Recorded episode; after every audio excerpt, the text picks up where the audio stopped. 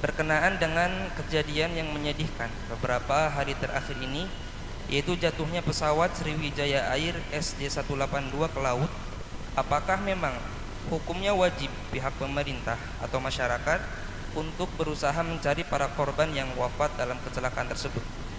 Lalu diangkat dan diserahkan kepada keluarganya untuk bisa dimakamkan di daratan. Dan juga bagaimana jika misalkan sebuah kapal pesiar yang berada di dalam laut berhari-hari Lalu ada salah satu penumpang yang meninggal dunia. Sedangkan sampai di daratan diperkirakan perlu waktu lama hingga dimungkinkan jenazah sudah membusuk kalau sampai di darat. Jika harus dimakamkan di dasar laut tentu tidak mudah Buya. Apakah boleh dibuang begitu saja di tengah lautan Buya? Mohon pencerahannya Buya. Terima kasih. Pertama kami ucapkan kepada keluarga korban Allah ajrakum wa ahsana azakum bagi ahli iman, ahli la ilallah Semoga Allah memberikan kepada anda semua pahala yang banyak dan mengampuni yang telah wafat dan memberikan kepada anda ketabahan.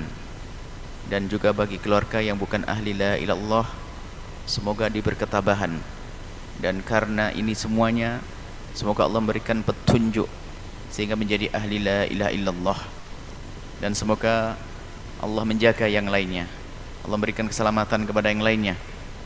Adapun orang yang kalau betul seandainya seperti itu pesawat hilang kemudian dicari di lain. Tidak dicari itu adalah sekedarnya. Kalau dalam kasus ini adalah untuk membuktikan benarkah kalau pesawat itu sudah jatuh. Jangan-jangan mendarat di tempat lain. Jadi untuk membuktikan mereka menyelam dan sebagainya untuk membuktikan. Kalau sudah terbukti itu adalah pesawat yang kemarin terbang lalu hilang berarti ya diperkirakan wafat semuanya. Dan kelihatan sudah ada tanda-tanda betul ada serpihan-serpihan pesawat itu sudah ada. Berarti itu adalah benar kan begitu? Secara dohirnya seperti itu. Adapun mayatnya yang bisa diambil diambil. Karena kita punya kewajiban untuk fardu kifayah.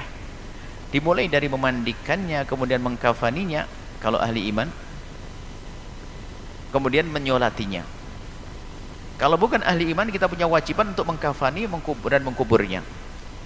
Jadi fardu kifayah kita bukan kepada orang Islam saja kepada orang kafir yang meninggal dunia kita punya kewajiban untuk merawat jenazah mereka untuk kita kubur dengan baik. Baik.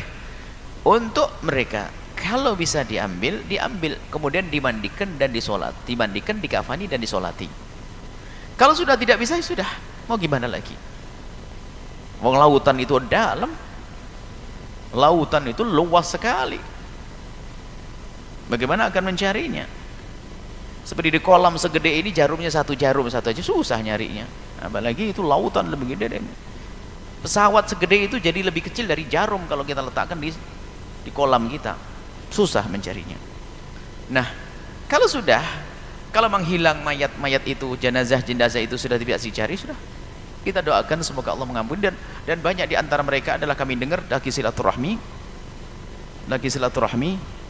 Bahkan ada keluarga subhanallah keluarga yang ikut berjuang.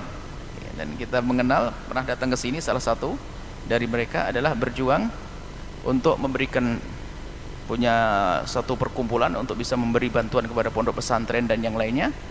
Meninggal juga subhanallah keluarganya.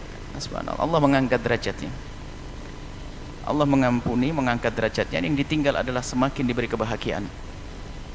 Uh, apa tadi? nah tinggal didoakan. Karena tidak dimandikan karena kita tidak pernah memandikannya maka tidak perlu disolati. Nggak ada menyolati untuk mayat untuk jenazah semacam itu. Di hadapan Allah sudah diampuni apalagi yang niat silaturahmi tadi ya insya Allah. Matinya mati dalam keadaan mulia. Husnul khatimah dan mulia Adapun jika ada orang meninggal dunia di tengah kap, di, di, di atas kapal laut. Sementara eh, bagaimana hukumnya? Pertama adalah dilihat jika ada daratan yang bisa dijangkau berbelok dulu untuk dikubur disempurnakan dari dimandikannya dikafani disolati diampirkan kalau dia masih melewati ada pulau-pulau yang bisa disinggahi karena itu wajib fardu kifayah. Atau kalau harapan untuk bisa sampai kepada tujuan masih mungkin untuk dijangkau tanpa ada kerusakan di mayat maka ditunggu. Sebab berbeda hari ini dan hari tahun dulu ada hari ini mungkin sudah ada di, dijaga dengan pendingin dan sebagainya sehingga awet bisa saja dibawa sampai sampai daratan dan dikubur dengan sempurna. Ini maka harus urutannya semacam ini bukan langsung di dikubur di laut. Jika ternyata pulau pun tidak bisa dijangkau karena jauh bahkan akan di darat mungkin sampai enam hari lagi maka jika tidak ada harapan bisa singgah di pulau terdekat dan sampai tujuan pun juga masih lama kalau ditunda nanti mayat keburu, keburu rusak maka dikubur di tengah laut. Caranya perbedaan di antara imam-imam madhab ada perbedaan kalau di dalam madhab kita imam syafi'i itu dibuatkan papan. Ditutup dengan papan yang bisa terapung. Kemudian setelah itu tentunya dimandikan dulu karena di kapal pesiar misalnya dimandikan dulu, dikafani, lalu disolati, kemudian dikubur di atas papan. Kemudian dilepas. Barangkali papan itu akan dibawa ke pinggir pantai nanti akan dikubur oleh orang yang ada di sana tapi madhab yang lain seperti madhab Malik dan madhab madhab yang lainnya Hambali dan yang lainnya itu tidak dikubur di laut situ ditenggelamkan. Maka dikasih beban. Kalau madhab syafi'i nggak usah dikasih beban. Biar terapung pergi. Pergi ke arah mana Allah kalau habis di laut ya kalau madhab yang lain ditenggelamkan. Dan sepertinya ini kalau dalam lebih aman jika ditenggelamkan Sebab kalau diapungkan ini tidak tahu bisa jadi singgah di tempatnya orang yang tidak beriman. Bahkan akan terlihat auratnya dan sebagainya. Jadi ditenggelamkan, cara melepasnya adalah seperti di saat kita melepas di saat di liang lahat. Dihadapkan ke kiblat, dilepas, kemudian dikasih beban tenggelam sampai dalam. Dalam itu sudah sebagai kubur karena sudah menutup. Sudah selesai ini disolati tentunya. Dimandikan dulu dikafani kemudian disolati dan dikubur ya karena nggak bisa masuk ke daratan dikubur di situ.